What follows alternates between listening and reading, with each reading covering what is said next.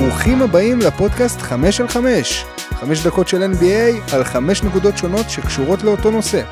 אם גם אתם אוהבים NBA ורוצים תוכן ממוקד וענייני, תישארו איתי, אני כבר אשלים לכם את החסר. אז מה היום על הפרק? היום אני אדבר על ניק נרס, סטיב נש, מייק בודנהולצר, מונטי וויליאמס, פרנק ווגל, קני אטקינסון, ואפילו על דוק ריברס. מתחילים.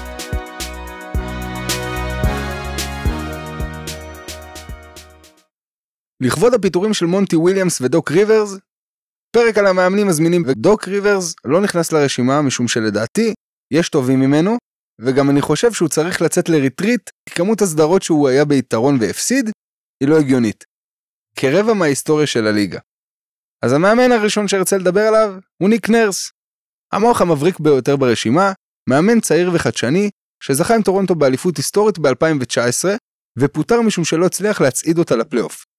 בעיניי, לפטר אותו הייתה טעות.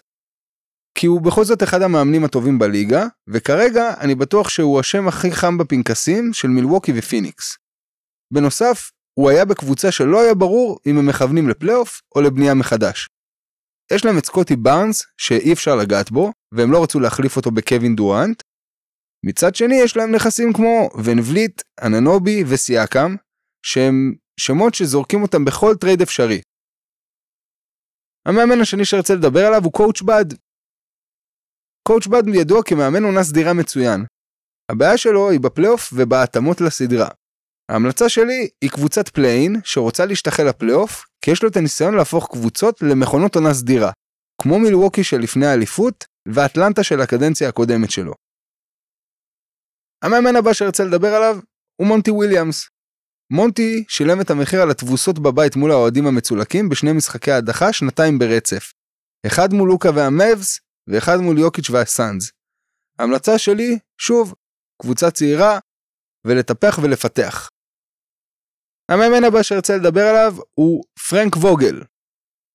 ווגל הוא מאמן מצוין שהפך לשעיר לעזאזל בלייקרס כשהביאו את ראסל ווסטברוק. הרי זה היה ברור שזה לא יעבוד, והוא שילם את המחיר שלא לגמרי בצדק לדעתי. הוא מאמן עם mindset הגנתי שאימן את הפייסרס של פול ג'ורג' ולקח אותה לסדרות פלייאוף עמוקות עד גמר המזרח. בנוסף לקח אליפות בבועה עם הלייקרס. למי הוא יכול להתאים?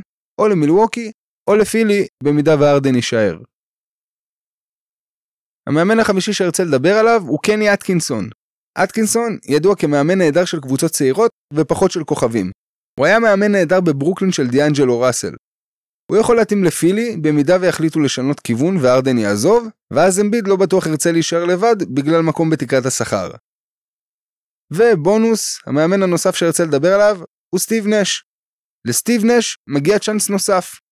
לא הייתה לו הזדמנות אמיתית להוכיח את עצמו, הוא לא באמת אימן בברוקלין, ככה זה כשקיירי מחליט במסיבת עיתונאים שהם לא צריכים מאמן, ופעם הוא יאמן, ופעם קווין דורנט יאמן, וככה הקבוצה הזו גם די התנהלה.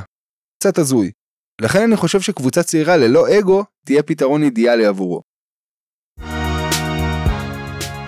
תודה שהאזנתם, עד כאן להיום בחמש על חמש. אני הייתי דקל סלמון, שיהיה לכם יום נפלא, להתראות.